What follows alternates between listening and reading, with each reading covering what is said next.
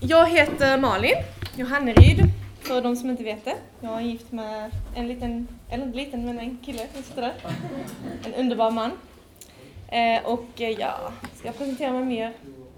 Tycker ni det? Nej, inte så intressant. Intressanta är ju vad jag har att säga om det här som ni ska, eller det här ämnet. Visste ni att det var det här ämnet nu? Är ni förberedda på detta? Nej, ni har inte kunnat här, läsa på själva och sånt och komma med frågor och sådär. Synd. Nej, men eh, detta korta passet så ska vi prata om församling. Och när jag först och främst tänkte på församling så tänkte jag på den gudstjänstfirande gemenskapen som är på söndagarna. Det kan ta sig uttryck på olika sätt också med ungdomsgrupper, hemgrupper och andra små grupper och sådär. Men det som jag mest syftar på när jag säger församling det är den gudstjänstfirande gemenskapen som är på söndagarna, oftast. Ibland har man gudstjänst någon annan gång också. Eh, när jag säger församling så får vi alla säkert olika bilder i huvudet. Vi tänker kanske någon att nej men det bryr jag mig inte så mycket om. Jag vet knappt vad det är, vad det innebär. Eller jag går inte till någon gudstjänst. Vissa kanske tänker att välkomna in. Tack så mycket. Eh, vissa kanske tänker att eh, ja, men, eh, församling det är supermysigt, det är en massa härliga människor som, som vill snacka och man får sjunga lovsång och man har liksom bra erfarenheter. Så kanske det finns vissa som har dåliga erfarenheter av församling. Alltså man tänker att det där är supertråkigt eller till och med att man kan ha fått sår från en församling eller gudstjänstliknande gemenskap. Ehm, men jag tror att för den här stunden hade jag velat att vi skulle lägga våra egna erfarenheter åt sidan för en stund. Och så får vi be Gud att han leder oss i, i detta ämnet. Så här, men varför är församling viktigt? Ehm, och vad vill Gud med församling? Var, varför församling? Eh, för jag tror själv personligen att det verkligen är en... Eh, det blir bara skratta. Nej, jag tror personligen själv att, eh, att det är en källa till liv, och ork för de som är kristna. Alltså jag tror verkligen att det är mycket betydelsefullt för de som är kristna. Så vi kan, vi kan be lite tillsammans bara. Herre, tack att vi får komma inför dig och vi, vi ber för den här stunden nu att du ska få leda oss eh, kring det här ämnet med församling och så. Att du ska få visa oss varför det är viktigt och vad du vill med församling och också vad du vill säga till oss idag med detta. Öppna våra hjärtan, Herre, heligande, så att eh, du får lära oss och undervisa oss om detta. I Jesu namn. Amen. Varför församling? Okej, okay, men varför inte bara vara hemma då? Och så läser man sin bibel. Och så ber man liksom sådär på kvällen och morgonen kanske. Och så är det bra. Och så är man kristen på det sättet liksom. Och så rullar livet på. Varför ska man överhuvudtaget gå till en församling? eller vara delaktig i en större gudstjänstgemenskap. Jag tror att många med mig, många eh, psykologer och forskare skulle säga att tillhörighet är en av människans starkaste och djupaste drivkrafter. Och det är en drivkraft som får oss till att bilda familj, till att skapa vänskapsrelationer, eh, till att bilda små grupper lite överallt vara med i ett fotbollslag eller vara med i en kör och så vidare och så vidare. Vi vill känna att vi är del av någonting större. Så mammalediga, de som är mammalediga, de umgås med de som är mammalediga för att kunna relatera och liksom så här, ja men vi är i samma situation och så vidare. Eh, de som är fotbollsintresserade hänger med de som är fotbollsintresserade och så vidare och så vidare. Så om vi vill eh, ta, vår, ta vårt liv med Gud, vår relation med Gud på allvar, så behöver vi också en kristen gemenskap. Vi behöver andra troende för att kunna relatera till och hjälpa varandra, för att känna den kristna tillhörigheten. Det står ingenstans i Bibeln att detta måste man, eller att det här är ett budord, att du blir kristen genom att vara med i en församling. Det gör det inte. Det är ingen lag liksom. Men det är en naturlig konsekvens. Och när man tittar tillbaka på historien så kan man se att där evangeliet om Jesus har spridit sig, där folk har kommit till tro på Jesus, så har det också ploppat upp små församlingar överallt. Och de människorna som har kommit till tro, de har liksom zup, de har bildat en enhet och en grupp för att kunna styrka och hjälpa varandra. Det är alltså en naturlig konsekvens, ingen måste, ingen regel. Vi ska läsa en, eh, en text som vi ska utgå lite ifrån. Från första Korinthierbrevet 12, den kommer komma upp här på skärmen så ni, det är jättebra om ni vill slå upp den så ser ni var i Bibeln, men det kommer upp här annars. I Korintierbrevet så skriver Paulus till en församling som eh, har en del problem med sin, med sin eh, ja, församling, rent ut sagt. Hur de ska göra och så här. Och han adresserar väldigt många olika problem och berättar för dem hur församlingen ska vara och ditten och datten. Och i det här stycket så beskriver församlingen Paulus, beskriver Paulus församlingen som en kropp. Han beskriver det som en enda kropp med olika delar, med olika lemmar. Och han, beskriver, han säger liksom inte att det är vilken kropp som helst, utan han säger att den enheten, det är som Kristi kropp. Så när ni är tillsammans, när ni kristna är tillsammans, så är ni Jesu kropp. Det säger han. Så vi ska läsa ett långt eh, avsnitt och vi börjar från, vad blir det, vers 12. I kapitel 12. Och så framåt till 31. Kroppen är en och har många delar, men trots att kroppens alla delar är många utgör de en kropp. Så är det också med Kristus. I en och samma ande har vi alla, är vi alla döpta för att höra till en och samma kropp, vare sig vi är judar eller greker, slavar eller fria. Och vi har alla fått en och samma ande utgjuten över oss. Kroppen består ju inte av en enda kroppsdel utan många. Om foten sa jag är inte hand så hör jag inte till kroppen, så hör den ändå till kroppen. Och om örat sa jag inte öga så hör jag till kroppen, så hör det ändå till kroppen. Om hela kroppen vore öga, var fanns då hörseln? Om allt vore hörsel, var fanns då luktsinnet? Men nu har Gud satt samman delarna i kroppen, var och en av dem som han ville. Om alla vore en enda kroppsdel, vad vore då kroppen? Men nu är kroppsdelarna många och kroppen ändå en. Ögat kan inte säga till handen, jag behöver det inte, inte heller huvudet till fötterna, jag behöver det inte. Nej, tvärtom är de delar av kroppen som verkar svaga så mycket mer nödvändiga och de delar av kroppen som vi tycker är värda mindre heder klär vi med så mycket större heder och de som vi blygs för skyler vi med så mycket större anständighet. Något som våra anständigare delar inte behöver. Men Gud har satt samman kroppen och gett de ringare delarna större heder för att det inte ska bli splittring i kroppen utan att delarna istället ska ha samma omsorg om varandra. Om en kroppsdel lider så lider alla de andra delarna med den och om en kroppsdel blir ärad gläder sig alla de andra delarna med den. Ni är alltså Kristi kropp och var för sig delar av den. Gud har i församlingen för det första satt några till apostlar, för det andra några till profeter, för det tredje några till lärare, sedan några till att göra kraftgärningar, andra till att få gåvor att bota sjuka, till att hjälpa, styra och tala olika slags tungomål. Alla är väl inte apostlar, alla är väl inte profeter, alla är väl inte lärare, alla gör väl inte kraftgärningar, alla har väl inte gåvor att bota sjuka, alla talar väl inte tungomål, alla kan väl inte uttyda, men sträva efter de nådegåvorna som är störst. Ja, så börjar han snacka om kärleken så här att man måste ha kärlek i allting för annars är det inte, annars är det inte bra. Eh, ganska maffig text och så här, så bara man, vad snackar han om? Man bara pratar om massa kroppsdelar och sånt, hand och fot och sådär. Men Paulus beskriver oss alltså som en enda kropp, som en enhet.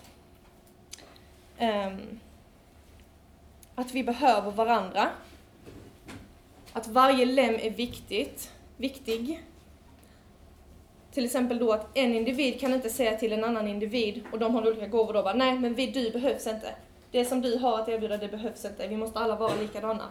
Paulus menar att alla lemmarna, alla delarna av kroppen behövs. Och att individen blir viktig. En del blir viktig just för att den sitter kvar i kroppen. Ensam är den inte så bra. Alltså min hand, om den bara skulle splatta på golvet så, så hade den inte gjort så stor nytta. Men i min kropp så är den fantastisk.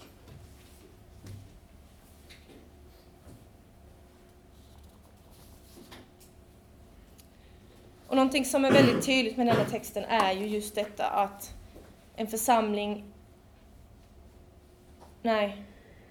Det som är väldigt tydligt är att Guds tanke med församling, det är ju inte att alla kristna ska vara exakt likadana. Det finns liksom inte en mall att gå in i och sen så till slut så bara så är alla exakt likadana kristna. Det är meningen att församlingen ska vara dynamisk, att församlingen ska ha olika individer med olika gåvor och, och personligheter. Eh, jag tänkte ta upp fyra olika aspekter kring församling som cirkulerar kring ämnet varför församling. Eh, vi har den betoningen idag, det blev så helt enkelt. Och det första vi ska prata om är att i en församling så kan vi ta hand om varandra. Men Gud har satt samman kroppen, gett de ringarnas delar större heder för att det inte ska bli splittring i kroppen, utan att delarna istället ska ha samma omsorg om varandra. Om en kroppsdel lider, så lider alla de andra delarna med den. Och om en kroppsdel blir ärad gläder sig alla de andra delarna med den. Det finns alltså ett skyddsnät. En församling ska fungera på ett sätt som ett skyddsnät med olika individer som kan fånga upp varandra, hjälpa varandra, stötta varandra. I en församling så finns det säkert en person som har gått igenom samma tvivel som jag någon gång. Om jag kommer in och så tänker jag, eller jag kanske inte kommer in, men jag, jag går runt hemma och tänker hur kan Gud vara god när det finns så mycket lidande? Och så går jag runt där och tänker att nej, ja, nej, det här är jättesvårt, nej, jag ger upp liksom. Jag skiter i det här. Men om man är delaktig i en församling så kan jag garantera att det finns en annan person som har tänkt på den här frågan och funderat över detta.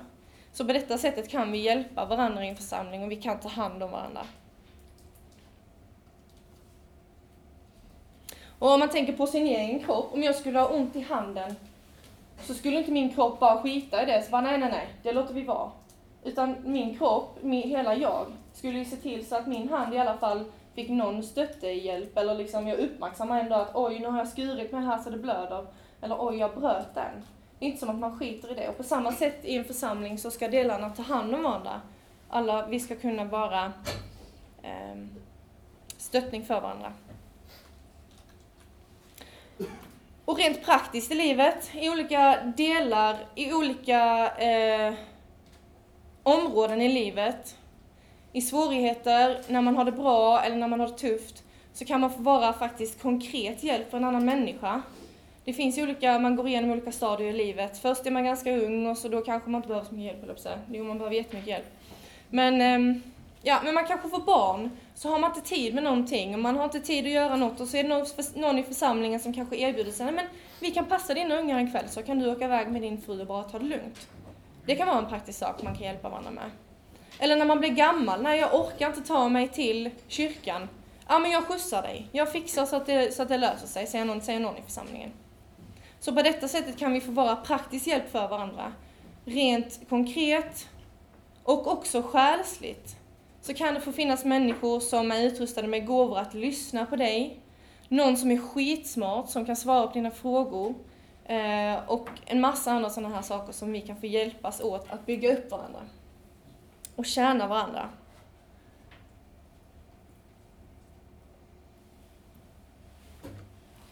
Um, ett annat bibelord som jag kommer komma tillbaka till ganska många gånger är detta från Efesierbrevet. Då är vi inte längre barn som kastas hit och dit och dras med varje vindkast i läran när människorna spelar sitt falska spel och listigt förleder till villfarelse. Nej, vi ska hålla fast vid sanningen i kärlek och på alla sätt växa upp till honom som är huvudet Kristus. Av honom fogas hela kroppen samman och hålls ihop genom det stöd som varje led ger med den kraft som är fördelad åt varje enskild del. Så får kroppen sin tillväxt och bygger upp sig själv i kärlek. En del av församlingens syfte är alltså att vi som individer ska få ge stöd åt varandra så att vi blir en enhet, en kropp. Så det är en aspekt. Varför församling? Jo, för att där kan vi ta hand om varandra.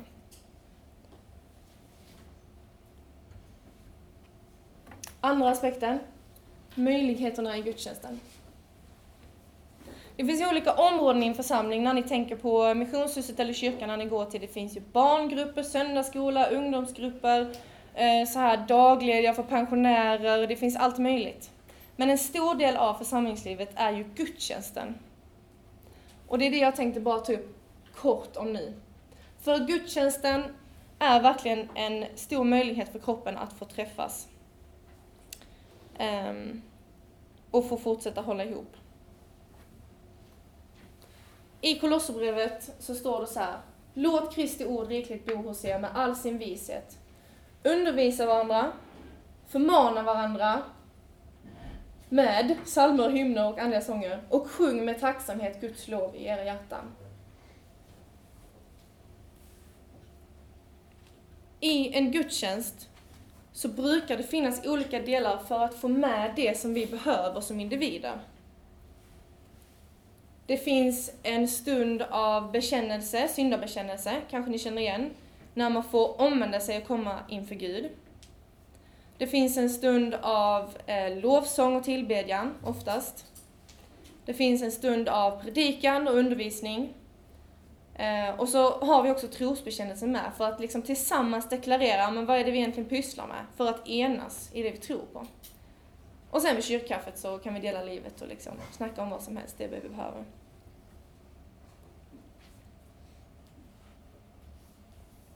Så i en gudstjänst så finns alla de här viktiga bitarna med eh, som vi behöver. Och om man börjar fundera på det här med församling. Eh, om man börjar fundera på, när, man, när ni sitter på en gudstjänst och ni börjar fundera på, men vad finns det för olika bitar här i gudstjänsten? Vad gör vi nu egentligen och varför gör vi det? Jag tror att om ni skulle sätta igång en sån tankeprocess så tror jag att församlingslivet, eller det som era föräldrar kanske, och ni pysslar med. Jag tror att det skulle vakna till liv, jag tror att det skulle bli liksom annorlunda för er. Um, och egentligen är det inte kanske förrän man är på ett ställe där det inte finns lovsång, och man känner att åh, jag vill, jag vill, jag vill lovsjunga Gud, jag vill tillbe, varför har vi ingen lovsång? Eller ett ställe där det bara sjungs lovsång och så blir det ingen undervisning, och man känner så här bara, åh, men jag vill ha mer fördjupning, jag vill ha mer liksom undervisning. Um, jag tror att allt eftersom så kommer vi upptäcka att vi behöver alla de här olika bitarna med undervisning, med förmaning, med lovsång. Ehm, och i gudstjänsten så finns alla de här bitarna som vi behöver.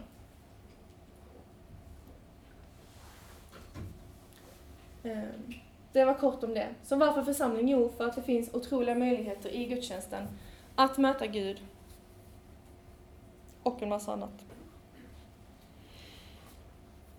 Tredje. Är ni med? Gött. Tredje grejen, varför församling? Missionsbefallningen. I slutet av Matteusevangeliet så säger Jesus här att han har fått all makt i himlen och på jorden och att vi därför ska gå ut och göra alla människor till lärjungar. Och i det bibelordet som vi tog upp innan från Efesierbrevet så stod det att Kristus var huvudet på kroppen. Så vi ska inte tänka att vi är huvudet, nej men Kristus är huvudet. Och om huvudet vill att vi ska göra lärjungar åt honom, ja men då får ju kroppen följa efter det huvudet vill och huvudet tänker och tänker ut att vi ska göra. Um, vi ska lyda honom. Som församling eh, som församling, när vi får ta hand om varandra, när vi får leva i gudstjänsten och bli påminda om Guds ord, vad som är sanningen i våra liv, när allt detta händer, vi blir förmanade och uppbyggda så att vi blir formade till att bli mer och mer lika Jesus. I detta så får vi styrka att tillsammans gå ut med evangeliet om Jesus.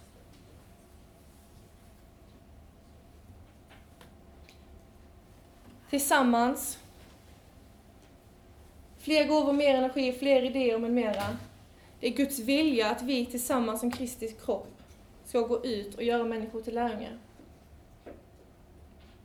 Och Gud rustar oss också för detta uppdraget i församlingen. Kanske tänker så här, men vadå, jag vill inte vara missionär, jag vill inte vara den som står och gör det där och det där.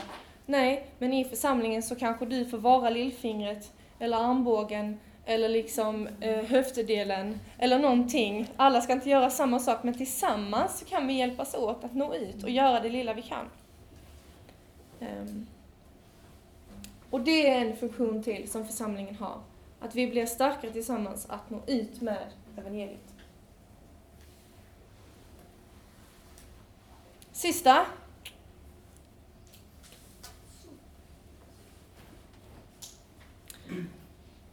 Som vi har sagt många gånger att vi behöver varandra, vi behöver känna tillhörighet. Och också att vi har olika gåvor för att vara stöttning för varandra. Och även du är en individ, du som sitter här, du är en individ som har någonting att ge till någon annan. Vissa kanske tänker att det är självklart, jag har jättemycket att ge. Men någon här inne kanske tänker att nej, jag har inte så mycket att ge till någon annan. Men jo, det har du. Ung som gammal så har vi någonting att ge till varandra. Och vi är en delaktighet av Kristi kropp när vi tror på Jesus. Det står i första Korinthierbrevet 14, om man bläddrar fram lite grann för det där när vi läste om kroppen och så, så står det att jo, när ni samlas så har var och en någonting att ge. En psalm, ett ord till undervisningen, en uppenbarelse, ett tungotal, en uttydning. Låt allt bli till uppbyggelse.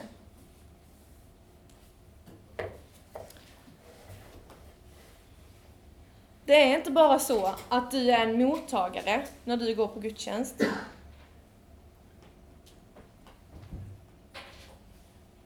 Du har också någonting att ge andra, även om du tycker det eller inte. Din närvaro på gudstjänsten är viktig.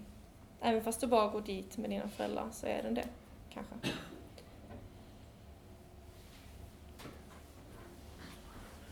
Alla är inte utrustade på samma sätt. Alla har olika gåvor. Ehm, det är inte meningen att alla till slut ska bli den där mötesledaren eller predikanten uppe i predikstolen. Det är verkligen inte meningen. Men vi får, du får, man får bidra med det lilla man kan.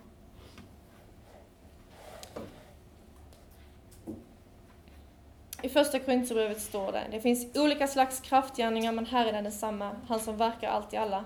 Men hos var och en uppenbarar sig anden så att det blir till nytta. Hos dig uppenbarar sig anden så att det blir nytta för din granne. Hos Emelie uppenbarar det sig så att det blir nytta för Selma. Hon får vara en schysst kompis. Och hos Frida uppenbarar sig så att uh, Frida kan sjunga jättebra för så hon får uppmuntra massa människor. Ja, vad som helst. Det, det, liksom, det visar sig på tusen olika sätt.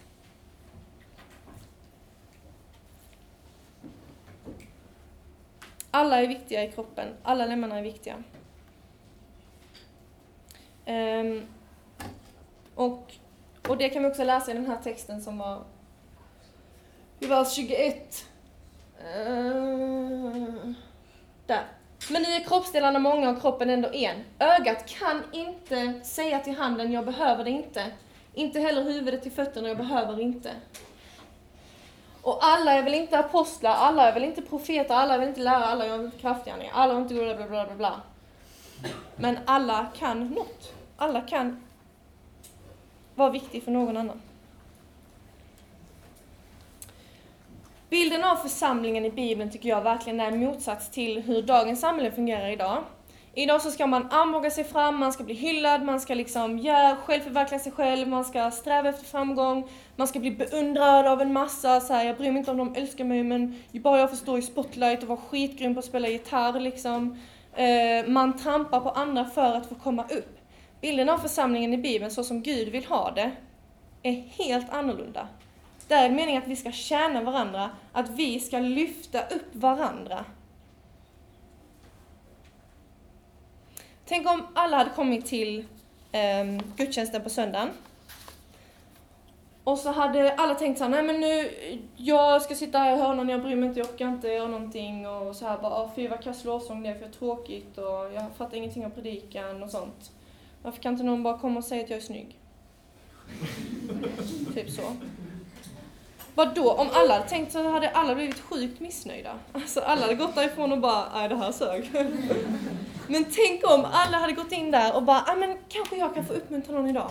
Alltså kanske jag kan ta initiativ till att säga hej till någon som är ny eller jag kan leka med det där barnet, passa det så att någon förälder kan sitta och lyssna på en predikan för en gångs skull liksom.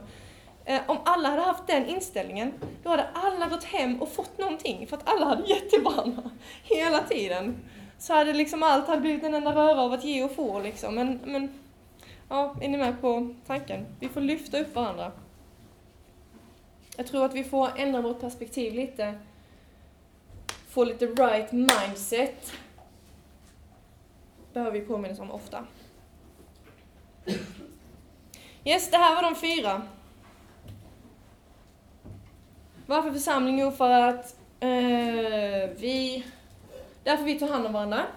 Det finns stora möjligheter i gudstjänsten att möta Gud och eh, annat. Vi är starka tillsammans med att nå ut med evangeliet om Jesus. De glada nyheterna om att alla är älskade, det är fri väg till Gud. Och vi får sättas i funktion med de olika gåvorna som vi har. Så det gör alltså skillnad i våra liv. Eh, det här med församlingsliv och gudstjänstliv och så. Även om det inte känns så, eller är så supernice hela tiden, så formar det oss i längden, där vi är.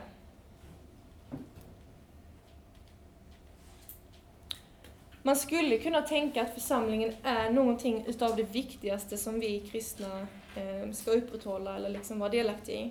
För att om det är så att du misslyckas totalt med bönen i ditt liv, du bara får det inte att funka, bara nej, jag har typ inte bett på en månad. Eller, om, och om du misslyckas helt med att läsa Bibeln, ja men det funkar inte heller, det är tråkigt, jag fattar inte ens vad jag läser när jag öppnar Bibeln. Om du hade tappat de grejerna, men ändå hade haft kvar församlingen, så hade du fått alla de sakerna på gudstjänsten. Du får Guds ord, du får bönelivet och du får den livsgivande gemenskapen som är så viktig. Som ska fungera som en förmanande, uppmuntrande, uppbyggande, Kristuscentrerad byggande och kärlekscentrerad gemenskap. Det ska fungera som det. Det är Guds tanke att det ska vara det. Sen i praktiken vet vi ju alla att det kanske inte alltid funkar så. Våra brister som människor tar ju sig också uttryck i en församling. Det är inte perfekt, det finns liksom ingen perfekt församling. Men det är Guds tanke att det ska vara så här och så får vi försöka närma oss det. Och det är skitsvårt att klara sig själv. Om du sitter här och tänker, nej men alltså jag klarar mig. Jag kan läsa Bibeln själv och be och så här, det är lugnt. Ja, kanske. Du är kanske den här en av typ en miljon som det kan funka för. Men om man tänker på de här bilderna med kroppen, och det finns ett annat ställe i Johannes också där, där, där vi är liksom, Kristus är som roten, som trädet och vi är grenarna. Om grenen faller, faller av, då kommer den till slut torka och dö ut. Om armen faller av för min kropp, då överlever nog jag antagligen, men armen kommer vara helt värdelös, eller dö ut. Så det är skitsvårt. Alltså det, det, det kommer inte gå. Sen ska man aldrig säga aldrig, men jag prövar inte. Så om ni sitter här och, och funderar då på, okej, okay, om församling är så viktigt nu då, om det är någonting som jag ska göra och ta tag i så, vad kan jag göra? Så har jag lite tips. Och det var då egentligen tanken att jag skulle ha ett tips, men jag har många tips som sen kommer sammanstråla i ett enda stort tips. Mitt första tips är, fundera på dina prioriteringar. Är det viktigt för dig att sova en timme extra på morgonen och skita i gudstjänsten? Eller är det kanske ganska viktigt ändå att vara med, även fast det inte alltid är så kul och liksom ger mig så mycket, men eh, mm, man kan börja fundera på det. Tips nummer två. Ge det tid. Börja, börja fira gudstjänst på samma ställe i ett år eller mer. Det tar tid att lära känna människor, det tar tid att känna sig hemma. Och det tar också tid att, tips nummer tre, gå in i en uppgift som du trivs i och vill utvecklas i. Du är verkligen inte för ung för att kunna hjälpa till med någonting eller vara delaktig av församlingen.